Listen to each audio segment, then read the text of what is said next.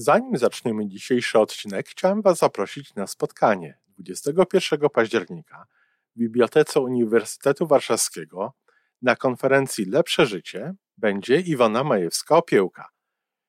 Będzie parę jej wykładów, będzie można sobie usiąść i porozmawiać przy kawie. Y, będą inne ciekawe wykłady związane z logodydaktyką i będziemy nagrywali odcinek na żywo. Po więcej informacji zapraszam na stronę Iwony majewska-opiełka.pl i tam w zakładce wydarzenia jest. Natomiast ja dzisiaj mówić będę o tym, aby nie tworzyć bałaganu. Żyjmy coraz lepiej po raz 971. Witamy w miejscu, gdzie wiedza i doświadczenie łączą się z pozytywną energią. Nazywam się Iwona Majewska-Piołka. Jestem psychologiem transpersonalnym, wspierającym rozwój osobisty i duchowy. A ja nazywam się Tomek Kniat.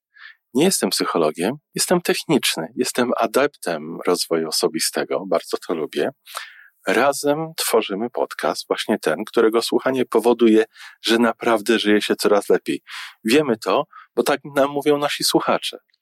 Zapraszamy do wysłuchania kolejnego odcinka i mamy nadzieję, że nowe głosy dołączą do tych, że warto nas słuchać.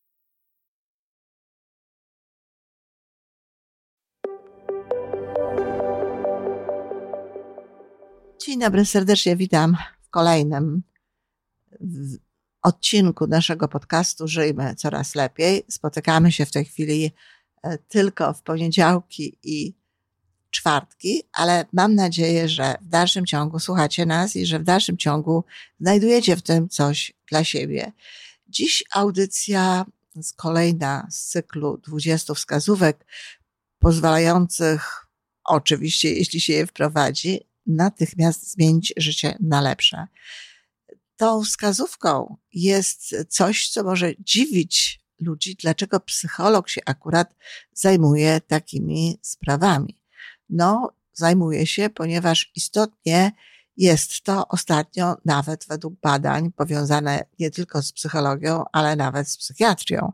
Otóż stwierdzono w badaniach, że nieporządek, bałagan, a o tym chcę dzisiaj mówić, i takie mm, miejsca, które po prostu na tyle są zabałaganione, że niełatwo jest w nich cokolwiek znaleźć, mają związek z zaburzeniami osobowości.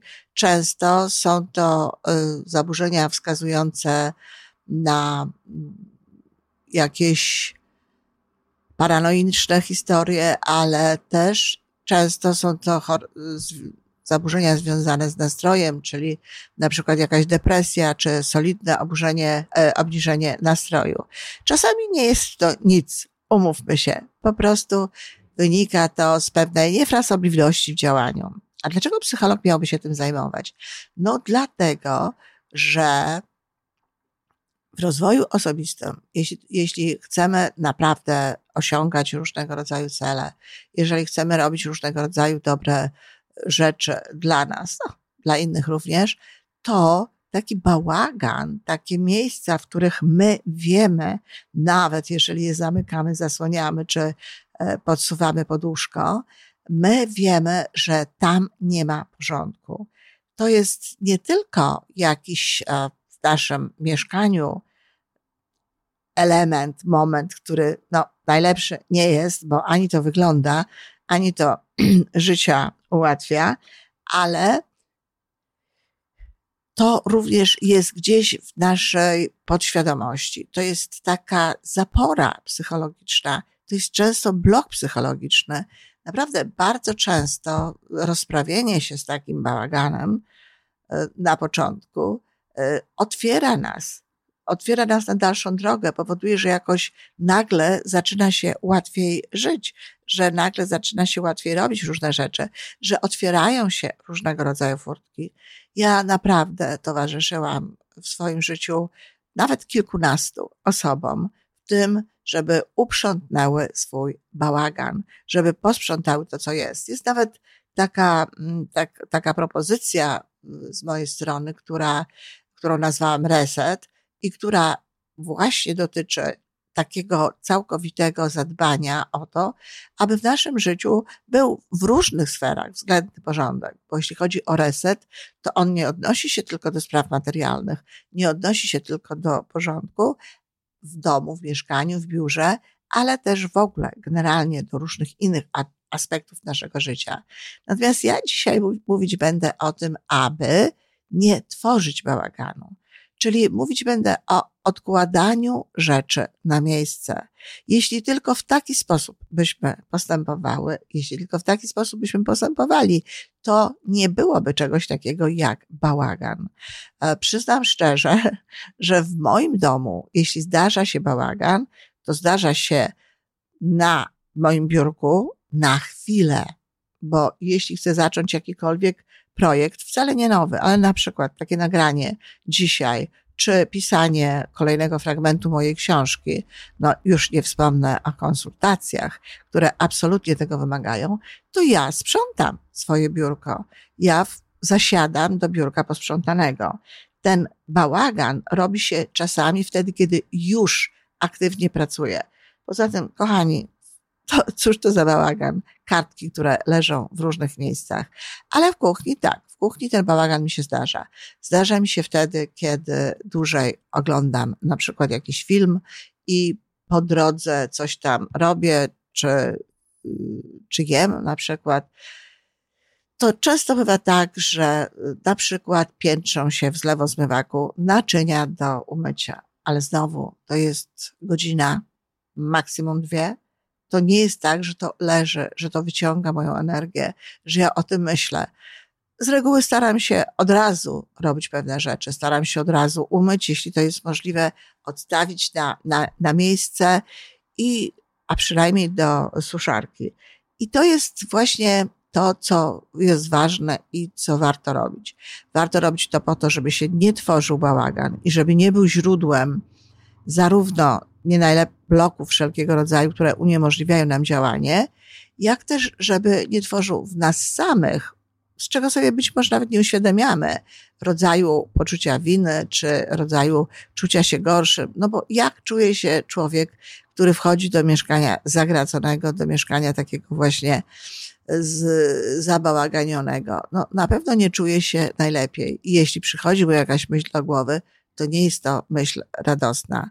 Zatem warto jest coś takiego zrobić. Porządek wokół nas, porządek w mieszkaniu, jakby przenosi się często na porządek w umyśle.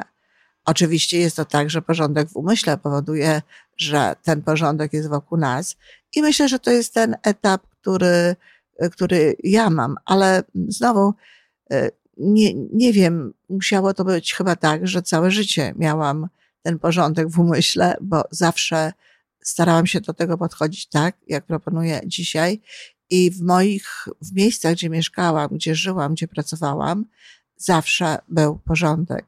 Czyli wygląda na to, że gdyby uwierzyć w ten e, tutaj fragment przekonań, y, że ten porządek w moim umyśle był.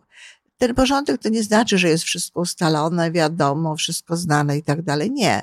To po prostu znaczy, że nie ma w nim chaosu, że nie ma w nim nadmiaru myśli, że potrafimy się zająć jedną rzeczą.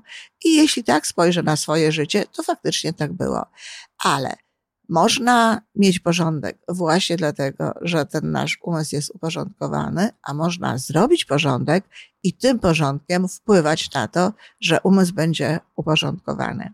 A dodatkowo oczywiście trzeba będzie wykonywać, pewne rzeczy, ale ten porządek wokół nas to ułatwia.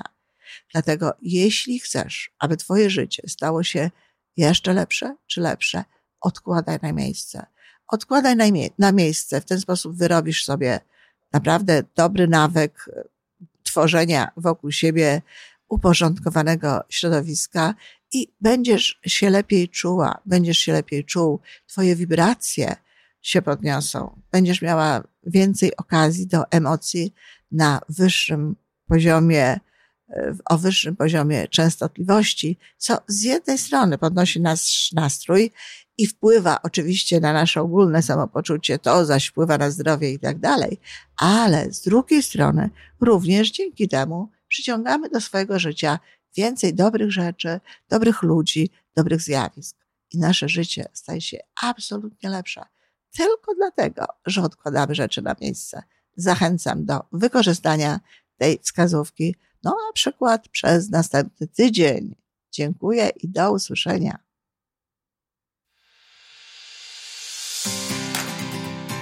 To wszystko na dzisiaj. Jeżeli podoba Ci się nasza audycja, daj jakiś znak nam i światu. Daj lajka, zrób subskrypcję, napisz komentarz, powiedz o nas innym. Z góry dziękujemy. Razem możemy więcej. Do usłyszenia.